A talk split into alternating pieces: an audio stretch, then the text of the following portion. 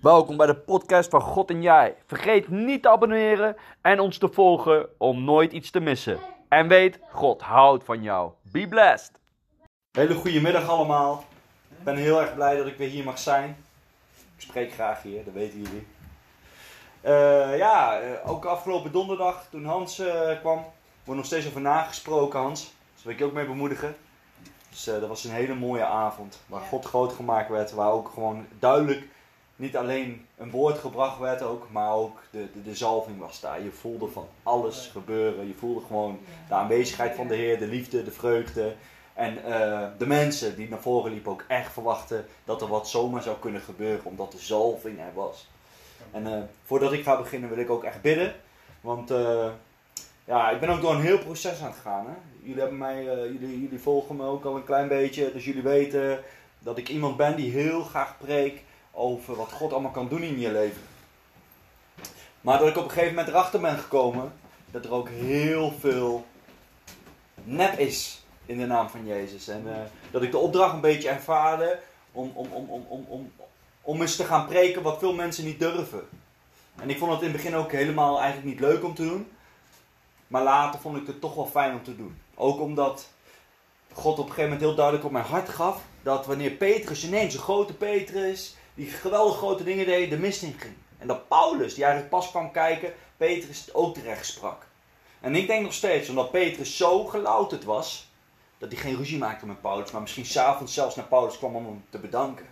En ik hoop ook gewoon dat wij als gemeente ja, echt het woord recht durven te brengen. Dat we niet achter de wonderen tekenen alleen aanlopen, maar eerst achter Jezus. En die wonderen tekenen volgen we wel. Vandaag heb ik een heel ander eh, soort eh, woord en daarom begon ik dat met inleiden. Vandaag mag ik, eh, mag ik het hebben over dat jij geroepen bent. Het geldt niet alleen voor jou, maar ook voor mij. Deze preek is net zo hard voor mij als, als voor jullie. Daarom, ik weet gewoon, dit heb ik ontvangen. En eh, voordat ik ermee ga beginnen, eh, wil ik heel graag een zegen vragen over het woord. Heer Jezus, dank u wel dat we bij elkaar mogen komen. Papa God, wilt u ook een engelenwacht in en om dit pand zetten? Ook bij de mensen thuis die dit gaan terugluisteren of aan het live meekijken zijn.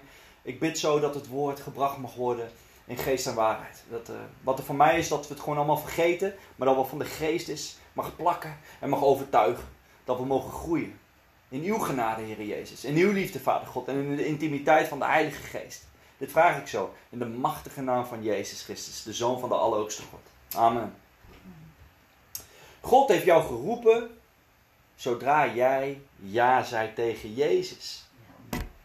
Dit is heel belangrijk. Als christenen soms vragen, of anders gelovigen soms vragen, waarom is Jezus zo belangrijk voor ons of voor jou? Want ook christenen weten dit soms niet. Die denken soms, waarom krijgt Jezus meer eer als God? Dat denken ze soms. Ik heb namelijk wel eens te maken gehad met christenen die dat zeiden van ja, het gaat wel heel vaak over Jezus, weinig over God. Dus het is belangrijk dat wij als christenen ook weten waarom Jezus zo belangrijk is. Als Jezus er niet was geweest, was de relatie nooit hersteld. Jezus is letterlijk de pilaar.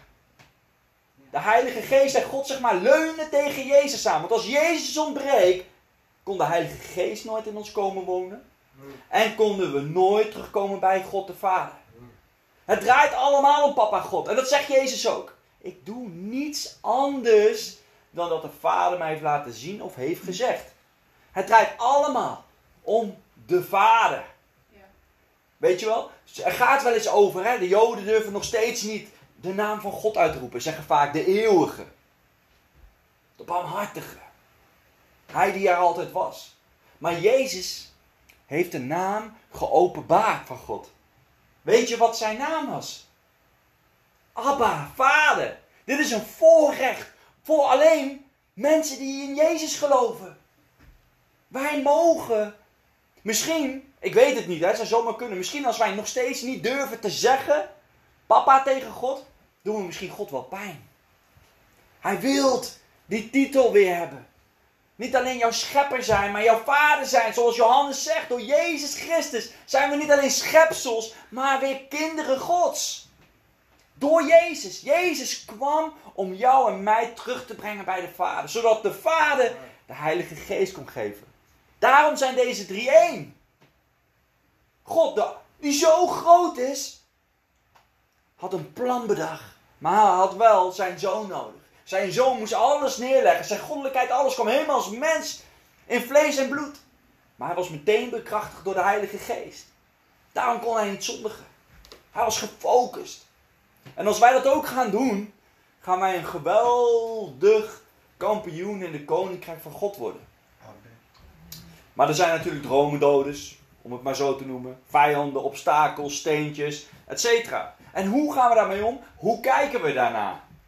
Dat is ook iets wat Johan net zo mooi zei. God is altijd positief. En ik vind dat, toen hij dat zei, toen voelde ik me ook alweer aangesproken. Want het is gewoon soms heel moeilijk. En daarom is het zo mooi dat wij met elkaar nu samen zijn in de gemeente. Of dat we naar een gemeente gaan. We hebben elkaar nodig.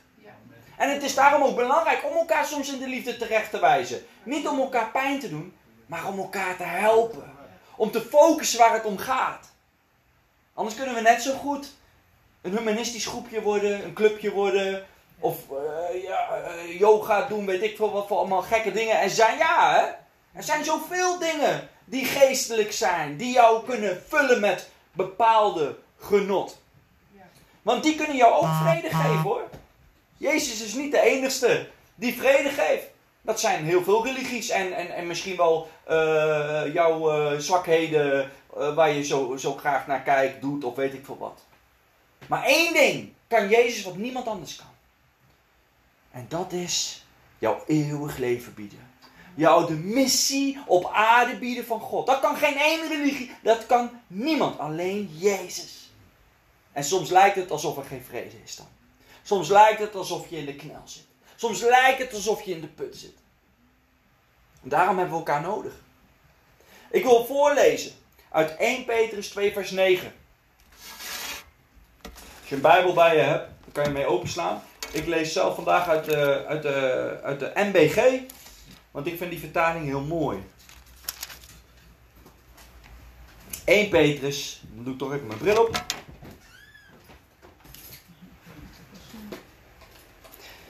...1 Petrus 2 vers 9. Gij echte zijt een uitverkoren geslacht. Ik doe het eens anders. Zeg jouw naam er eens voor. Mijn naam is Edward, dus jij, Edward echte, zijt een uitverkoren geslacht, een koninklijk priesterschap, een heilige natie, een volk, God ten eigendom, om grote daden te verkondigen van Hem die u uit de duisternis geroepen heeft tot zijn wonderbaarlijke licht. Wow, God heeft jou door deze Jezus waar ik over begon, uitverkoren. Uit de duisternis gehaald. En daar staat nog iets, hè? Daar staat om het volgende te doen.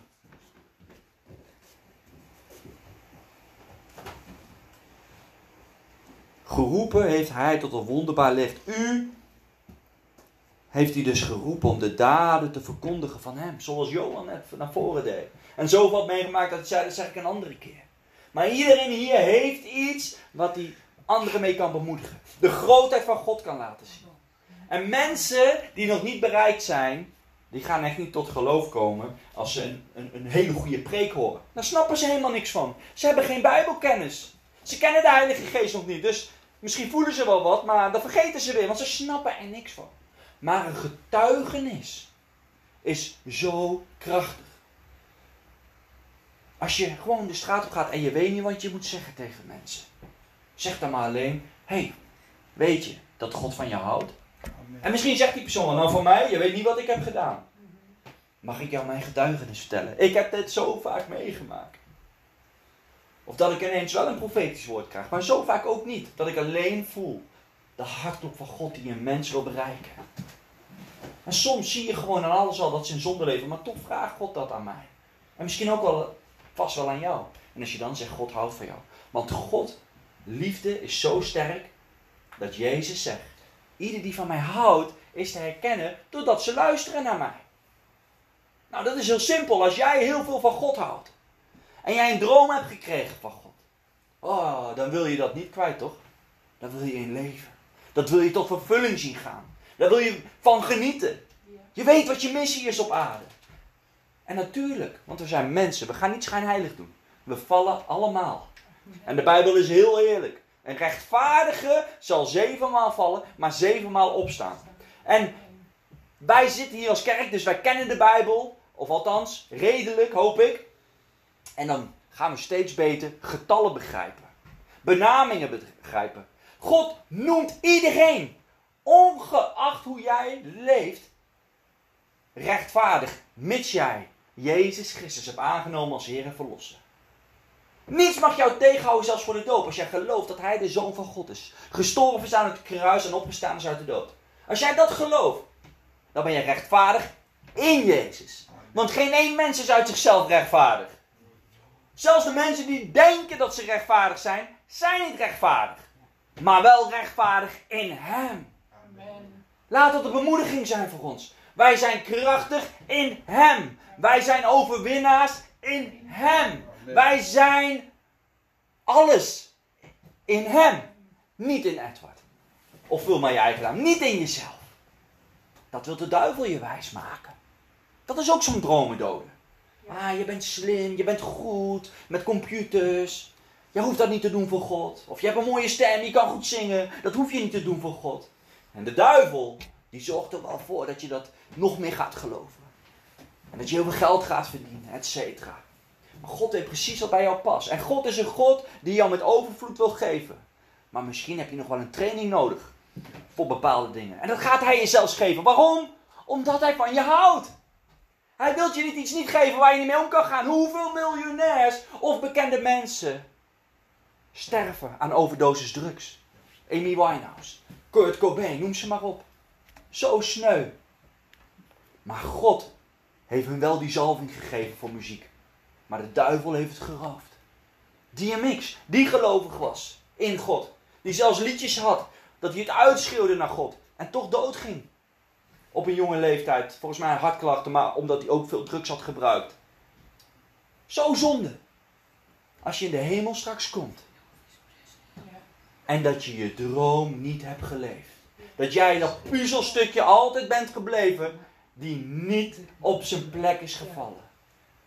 Ja, maar ik was zwak, zeg je dan. Dan zegt God, ja, natuurlijk ben jij zwak. Daarom heb ik mijn zoon gestuurd. Maar jij bent krachtig in hem. Dit moeten we vasthouden. Dit moeten we geloven. Wij zijn niets. Maar in hem zijn wij alles. Niet ik, maar hij. En dan wordt het leven veel makkelijker. Dan snap je Paulus wanneer hij zegt. Ik wil niet opscheppen, maar als er toch één is om op te scheppen. Ik heb schipbreuk gelegen. Ik heb een doorn in mijn vlees. Ik heb slagen gehad. Ik ben voor dood achtergelaten, uit de stad geduwd, gestenigd en noem het maar op. Maar hij gaf niet op. Waarom niet? Hij liet zich leiden door Gods geest, omdat hij sterk was in hem. Ongelofelijke dingen gaan op ons pad komen. Op de tijd als God het nodig vindt. Op de tijd als God weet, hij of zij heeft het nodig. Als wij dingen gaan afdwingen, zonder dat we het soms nodig hebben, dan zijn wij fout bezig. Dat is namelijk een vorm van manipulatie. En manipulatie is tovenarij. En daar hebben we allemaal soms eens mee te kampen. Dus dat is ook soms misschien goed. Net als Paulus of uh, David zegt in de psalmen. Vader God, doorgrond mijn hart en leid mij terug naar de weg als dat nodig is. Dat is een hele mooie psalm. En dat is eigenlijk iets wat ik ook soms bid. Vooral op de momenten als ik denk dat ik het goed doe. Dan denk wow, dit is, dit is gek. Huh? Soms natuurlijk wil God je een schouderklopje geven. Maar soms moeten we ook waken, want we leven in een gevallen wereld. En als jij heel graag God wil dienen, is er altijd iemand die dat niet wil. En op het moment dat jij ja hebt gezegd tegen Jezus, heb jij letterlijk de oorlog verklaard aan de duivel. Ja. En hij weet dat hij jou kapot kan maken als je met hem meewerkt. Maar hij weet ook dat jij onwankelbaar bent als jij weet, niet ik, maar hij. Want ik ben onwankelbaar in Jezus Christus. Amen. Jezus heeft dus een brug geslagen tussen jou en God. Door voor ons aan het kruis te gaan. Zo mooi. Zo bijzonder. Kunnen wij ons dat voorstellen? Net toen we dat liedje ook zongen, moest ik aan mijn zoontje denken. Met, ik heb je lief met de liefde van de Heer. Ik moet wel aan mijn zoontje denken. Misschien heb jij ook wel iemand gehad aan wie je moet denken. Misschien dacht Ilse al aan, aan Ben eventjes. Ja, mooi toch? Want de Heilige Geest is een trooster. Op het moment als wij iets doen voor God, dan gaan we dingen voelen. En dan moet je heel serieus nemen.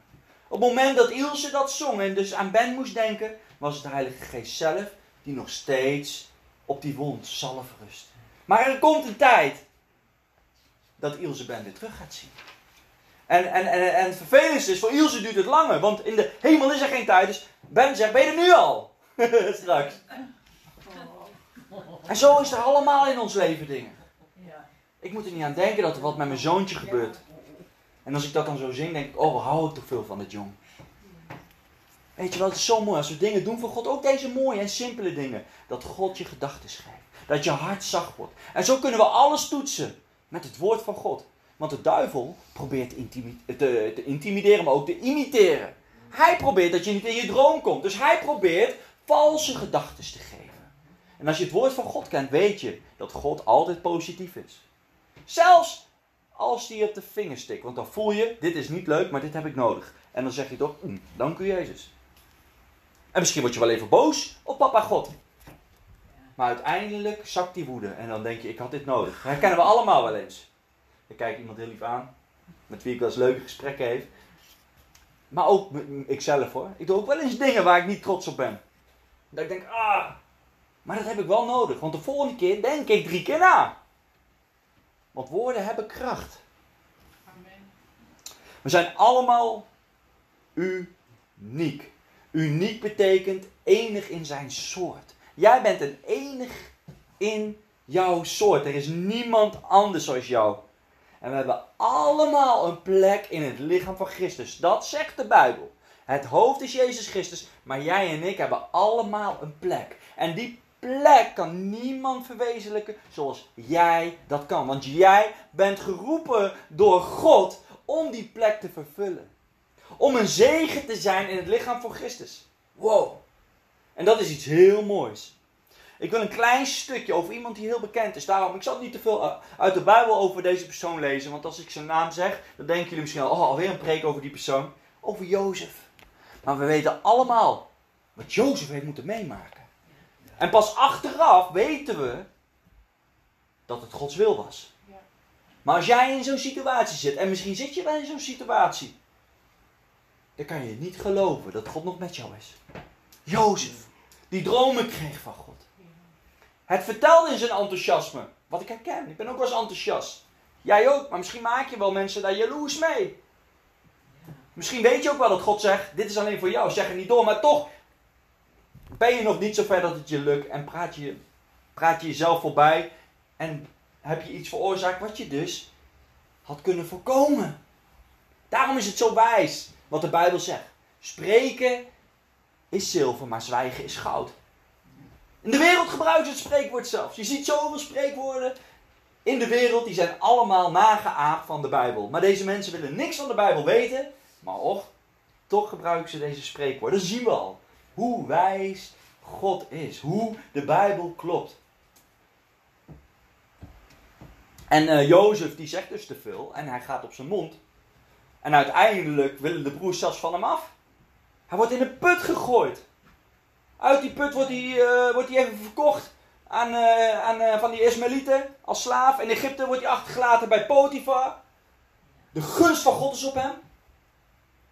Hij krijgt een hele mooie plek. Hij is een goede handelaar. Potifar ziet dat in hem. Hij denkt, oh wat mooi. Hij blijft Potifar heel erg trouw. Want zijn vrouw van Potifar, hè, die wil Jozef in haar bed krijgen.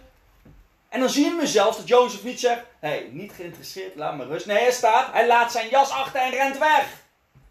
Dus alles in zijn lichaam, zijn hormonen reageren op deze beeldschone vrouw van Potifar. Maar hij luistert niet, niet naar de verlangens van zijn vlees.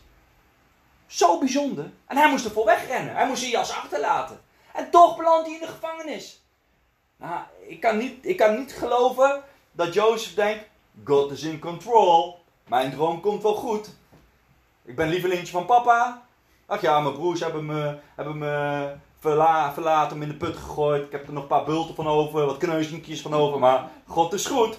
Want ik ben daarna toch verkocht door, uh, door slaven. Lekker relax. Ik zie mijn broers nooit meer. Huppa, lekker naar Egypte op vakantie. Yo, maar God is met mij.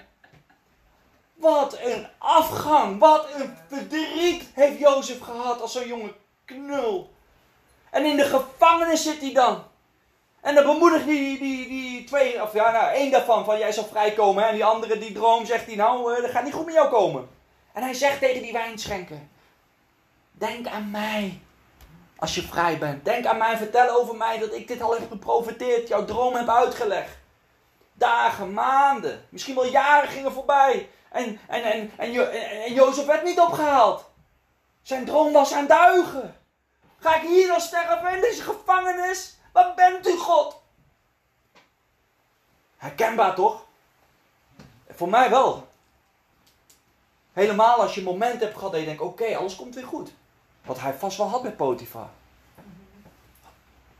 En ineens brand je in de gevangenis. Je helpt iemand, je profiteert en er wordt niet meer aan je gedacht. Je wordt afgewezen. Niemand ziet je staan.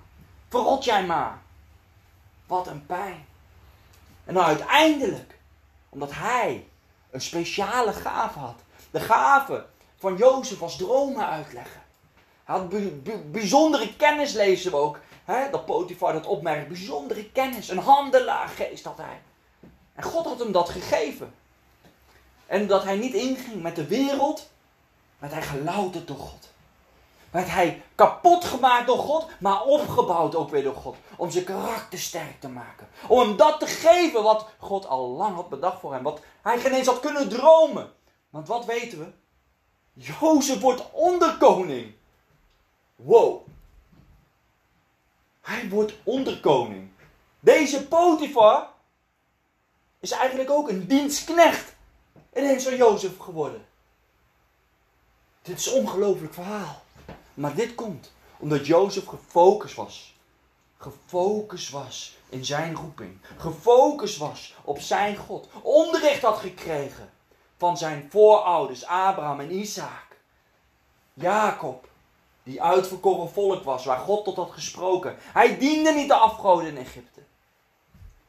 Wie weet wat voor uitweg hij nog wel had kunnen vinden waar de Bijbel niet over schrijft. Maar de Bijbel vindt dit belangrijk wat er staat. En hij is trouw. Trouw aan zijn roeping. Psalm 105, vers 17 en 19. Moet je dan al horen wat er, wat er eigenlijk in het kort nog wordt gezegd over deze Jozef. Wat ik zo bijzonder vind. Maar ook voor ons leven. Misschien zit jij vandaag wel hier en denk je, het ging zo goed met mijn verleden jaar. En ineens, ik weet geen eens wat er gebeurd is. Misschien heb je al twijfels. God, doe ik het nog wel goed? Waar bent u, God? Houdt u nog wel van mij? Zulke gemene dingen. Doet de duivel dan tegen jou, tegen mij zeggen? En dan staat er in Psalm 105, vers 17 en 19 het volgende. Ik begin bij vers 16. Dat is beter voor de context, denk ik. Toen hij hongersnood opriep over het land en alle staf des broods verbrak, zond hij een man voor hen uit. Jozef werd als slaaf verkocht. Men knelde zijn voeten in boeien. Hij kwam in de ijzers tot de tijd dat zijn woord uitkwam. De uitspraak des Heren hem in het gelijk stelde. Wow. Ik profiteer over iedereen want ik geloof niet in toeval. Ik geloof niet dat ik dit woord toevallig heb ontvangen. Nogmaals, ik ben de laatste tijd alleen maar bezig om, om, om, om, Kerk Nederland wakker te maken. Om te vertellen, hé hey jongens, het gaat om Jezus, niet om wonderen en tekenen en noem maar, maar op. Hè. Jullie weten dat. Maar God heeft me dit op mijn hart gegeven om een bemoedigend woord uit te spreken. Voor de luisteraars die luisteren. En voor jullie. Dit kan geen toeval zijn. Dat waar wij ook in zitten, God heeft daar een plan mee. Zoals Deborah net profetisch ook iets zei, wat heel erg toepasselijk is voor deze preek. Joshua 1 vers 9. Wijk niet af van mijn woord, wees standvastig.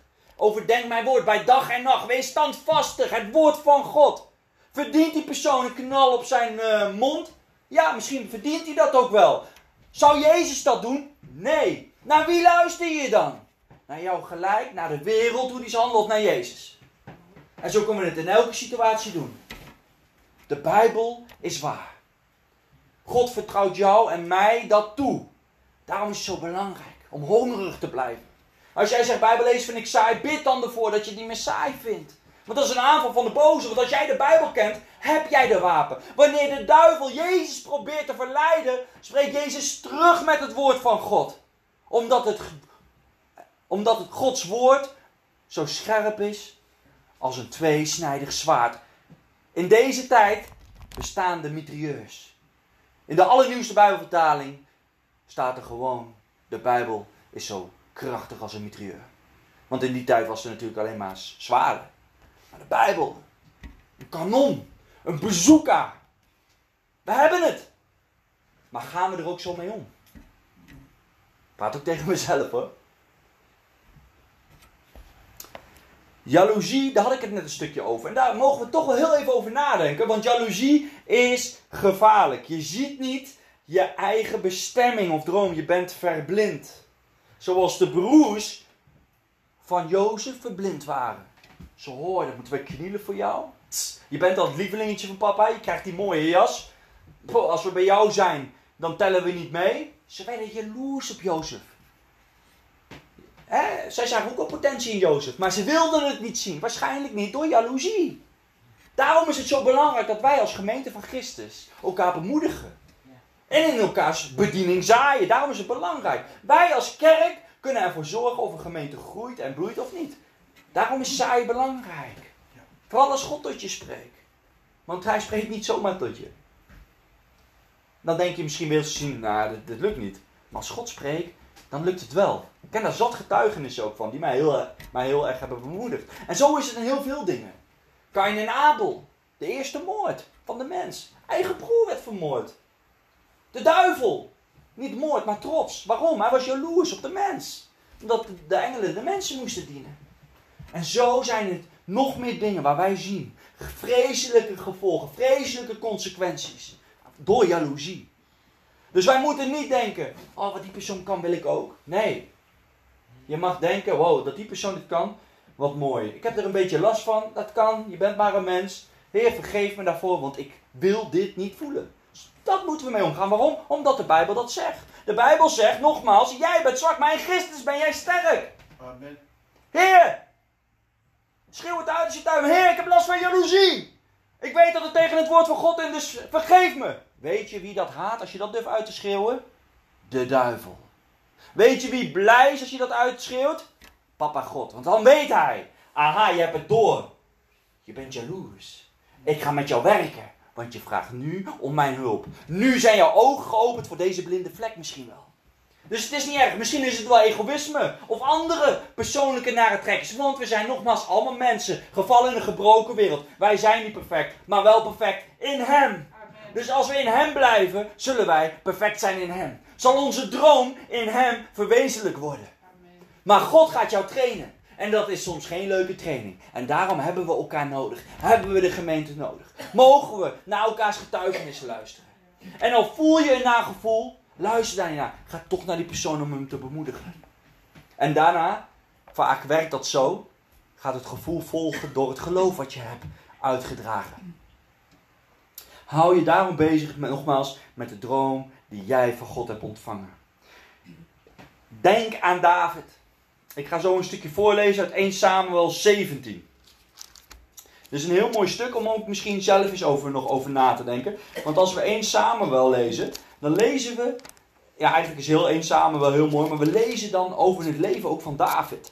Hoe hij koning werd, eh, maar ook zijn strijd. Want dat is ook, wow, minstens zo erg als wat Jozef had. Maar in 1 Samuel 17, wat ik zo ga voorlezen, zal ik een stukje inleiden. Dan is uh, David uiteindelijk al gezalfd en heeft gehoord, ooit zou je koning worden. Nou, op een gegeven moment lijkt het helemaal niet meer, uh, meer zo. Maar op een gegeven moment maakt hij ook iets mee dat zijn ogen op hem gericht zijn. Hè? Goliath en David. Hij moet Goliath verslaan. Moet je nagaan. Een knulletje komt eraan bij allemaal militairen. En die zegt, ja hallo, hij zit onze God in de maling te nemen. Ik pak hem wel als jullie niet durven, want zo komt David misschien over. Getrainde soldaten die het niet durven tegen Goliath en zo knulletje David wel. En zelfs de koning Saul, die uh, zegt op een gegeven moment, nou uh, probeer maar hoor. Want, uh, maar dan zegt hij het volgende. En dan moet je eens horen wat, wat, wat, wat Saul zegt en wat er gebeurt. Weet je wel, wij denken soms zo anders hè. Wij denken, en God kan dat, als we iets gaan doen, ja dan heb ik een auto nodig of een vliegtuig nodig. Ja, ik ga gewoon daarheen en als God me dit wil hebben, dan zal hij wel een vliegtuig sturen. En dan komt er iemand langs, hé, heb je een lift nodig? En dan zeg je nee, nee, nee, nee. Hoewel misschien dat wel het plan van God was. Op een hele andere manier. Weet je wel? Dat is zo bijzonder. Net zoals dat verhaal, die kennen we misschien wel, dat een man schipbreuk leed in de zee. En, dan komt, en hij bidt tot God, God, red me uit de zee. Kom een boot langs. Hij zegt, nee, hoeft niet. Nog een boot langs. Nee, hoeft niet. En hij wordt ineens wakker in de hemel. Hij zegt, God, ik bad, waar was je nou? Ja, hallo. Ik heb twee keer een boot voorbij laten varen. Dat was mijn reddingsmiddel. Ja, soms, omdat wij wel weten hoe God werkt, hebben wij al helemaal bedacht. Maar soms werkt God heel anders. Misschien wel word jij heel erg bang. En toch weet je, ik moet het doen van God. Dan moet je dus niet luisteren naar je angst. En dat is heel moeilijk soms. We moeten niet luisteren naar emoties. Ja, wat zijn die nou? Daar, daar mag ik ook nog wel veel meer voor bidden. Tegen mijn emoties. Maar dat wil God ook graag. Dat we dingen inzien. Zodat hij weer verder met jou kan kneden. Om jou in die plan te brengen. Het is heel belangrijk daarom een relatie te hebben. Om met jezelf bezig te zijn. Hoe God jou ziet. Oh ja, Heer. Dat is zo'n mooi persoon. Oh, dank u wel dat u dit laat zien. Dit wil ik helemaal niet zien, maar toch dank u wel. Dan voel je dat het de Heilige Geest is. Eigenlijk ben ik boos op u, God, maar toch ook wel dankbaar. Dan kan je merken dat de Heilige Geest is. En hij kan aan je werken. Nou, dus Goliath uh, wacht daar op een een of andere Israëliet. En David, klein knulletje, gemeens getraind. Die zegt, ik heb beren, leeuwen verslagen. jullie durven niet tegen die Goliath, die Israël, onze God, uh, zo te kak loopt te zetten. Stuur mij er maar op af. En de koning Saul, die vindt het goed. En die zegt dan dit. Vers 37, daar begin ik. Ook zeide David, de Heer die mij gered heeft uit de klauwen van leeuw en beer. Hij zal mij toch ook redden uit de hand van deze Filistijn? En Saul zei tot David, ga. En de Heere zal met jou zijn.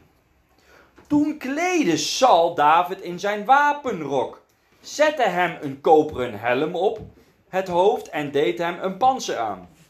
En David gooide zijn zwaard aan over zijn wapenrok en hij deed moeite om te lopen.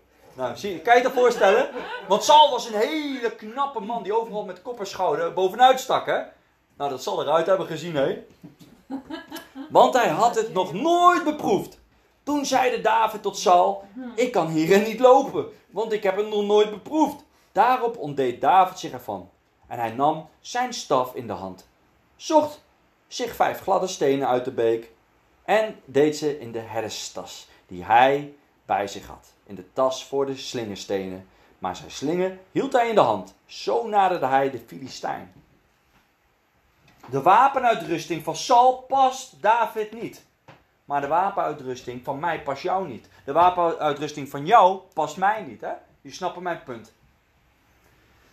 En zit dus David alleen maar in de weg. David doet iets wat wij wat mogen leren vanuit dit verhaal. Hij houdt de focus op zijn God, op zijn eigen wapens. En wat gebeurt er dan?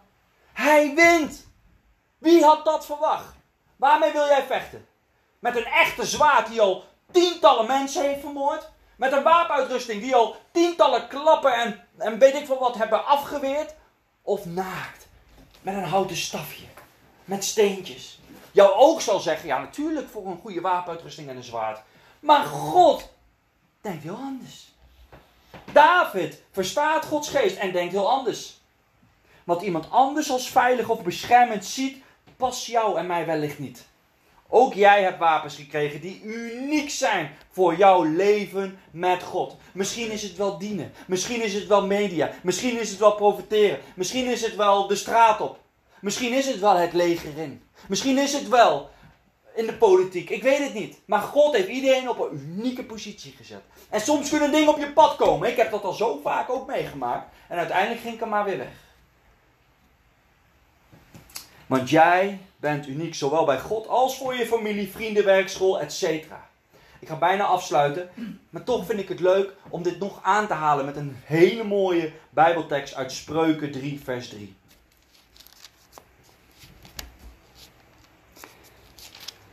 In Spreuken 3, vers 3 staat het volgende. Spreuken 3, vers 3 en 4 lees ik voor.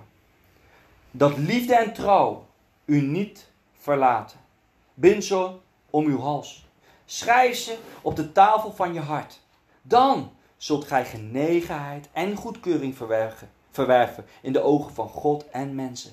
Liefde en trouw. Liefde en trouw, zoals de Bijbel dat leert. We leven in een gebroken wereld. Ik zie heel veel liefde wat van de duivel is, zonder dat deze lieve mensen dat weten. Want nogmaals, God houdt van de zondaar, maar niet van de zondes. De ziel is kostbaar. Wij zijn nu vandaag de dag zo hard nodig in de maatschappij. Wat doen we hiermee? Luisteren we naar deze preek? Luisteren we naar deze preek? Of gaan we er wat mee doen? Ga de straat op. Zeg gewoon tegen iemand. Ga niet prediken, maar zeg gewoon tegen die persoon. Ik kijk naar jou en ik wil tegen je zeggen dat God van je houdt. Wow, een profetisch woord wat altijd klopt.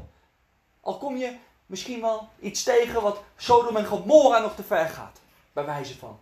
Nog klopt het woord, want God heeft elk mens in principe gemaakt tot een potentieel christen. Maar wie gaat zaaien? Wie gaat vertellen dat er een God is die van hen houdt? Trouw en liefde. En Psalm 37, vers 23 en 24, daar staat het volgende. Door de Here worden de schreden van de man bevestigd, aan wiens weg hij welgevallen heeft. Wanneer hij valt, stort hij niet neder, want de Heere schraagt zijn hand. Moeilijke tekst, maar God zegt, als jij naar mij luistert, naast mij wandelt, met mij wandelt, goed doet, doet zoals de Bijbel jou opdraagt, ik zal jou niet laten vallen. En wat vind jij belangrijker? Dat de wereld je laat vallen of dat God je laat vallen? Nou, dat God je gaat laten vallen. Want God heeft jou gemaakt hier nogmaals om als een kampioen te wandelen in het leven. En waarschijnlijk, helaas, omdat het niet anders is, helemaal in deze laatste dagen van de wereld, een vijand wordt van de wereld. Dus als mensen niks willen weten van God, of niet de ogen geopend worden, zullen ze jou haten.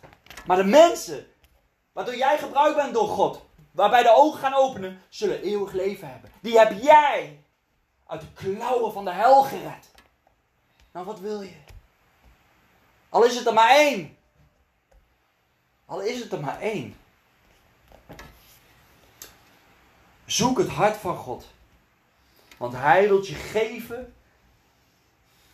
En niet iets, maar Hij wilt je heel veel geven.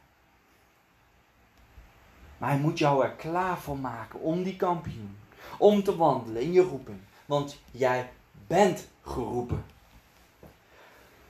Als God jou een droom geeft, heb je al het gereedschap in huis. Serieus. Jij hebt het gereedschap in huis. Misschien heel ver verstopt, maar dat gaat God zijn licht opwerpen. Want jij hebt het al. Om de droom waar te maken. Maar door het proces van loutering wordt je gereedschap geslepen. Misschien weet je al wat je wapens is, maar is het bot geworden? Of is het gewoon bot en moet het geslepen worden? Je wordt geheiligd door God. Een hele bekende tekst waarmee ik wil afsluiten is Jeremia 29. Maar vooral de focus, niet alleen op vers 11, maar op 12, 13 en 14. Want hij begint heel mooi, hè? Jeremia 29, vers 11. Dan, eh, dan, dan, dan denk je, oh ja, dat en dat geef ik weg. Maar je moet juist die volgende versen eens lezen, want dat zijn de sleutels om vers 11 te bemachtigen. Jeremia 29, vers 11 staat het volgende. Want ik weet welke gedachten ik over u koester. Dat zegt God hè, tegen ons. Ik weet welke gedachten ik over jou koester. Luidt het woord des Heren. Gedachten van vrede en niet van onheil. Om u een hoopvolle toekomst te geven. Dit is een belofte. En dan denk je, wauw, waarom gebeurt dat niet? Nou, misschien uh, moet je eens vers 12 en 13 lezen. Daar staat, dan zult gij mij aanroepen en heen gaan en tot mij bidden. En ik zal naar u horen. Dan zult gij mij zoeken en vinden. Wanneer gij naar mij vraagt. Met uw ganse hart. Dan zal ik mij door u laten vinden. Luidt het woord des Heren. En in uw lot een keer brengen. Dan zal ik verzamelen uit alle volkeren. En van alle plaatsen waarheen ik u verstoten heb. Dit is een woord niet alleen voor Israël. Dit is een woord ook voor ons. Als wij God echt gaan zoeken. Hier laat God al zien. Ik zoek een relatie. Ik heb een goede toekomst voor jou. Maar praat met mij. Zoek mij. Doe wat ik van u vraag. Dan zal mijn plan uitkomen. Dan zal jij wandelen in je roeping. Goed. Heer Jezus, dank u wel dat u ons allemaal hebt geroepen. Heer, wilt u de napreek zijn van wat gezegd is? Want niet goed is dat het van ons weg mag gaan. Maar dat wat van u is blijft plakken. Heer, dat u ons in onze unieke roeping gaat zetten. Heer, vergeef ons daar waar we tekort komen. Wilt u ons helpen daarin? Heer, als er jaloezie is, egoïsme is of ik weet het beter, vergeef mij, vergeef ons daarvoor. Heer, wilt u ons helpen om te wandelen, geslepen, gelouterd te worden, zodat we mogen vuren in de naam van Jezus. Om het heilige vuur, de heilige geest, dat de mensen mogen zien. Dat er een God is die van hen houdt. Omdat ze een aanraking krijgen met ons, met christenen, met uitverkorenen. Heer, wij zijn zwak, maar in, u zijn wij sterk. In Jezus' naam. Amen.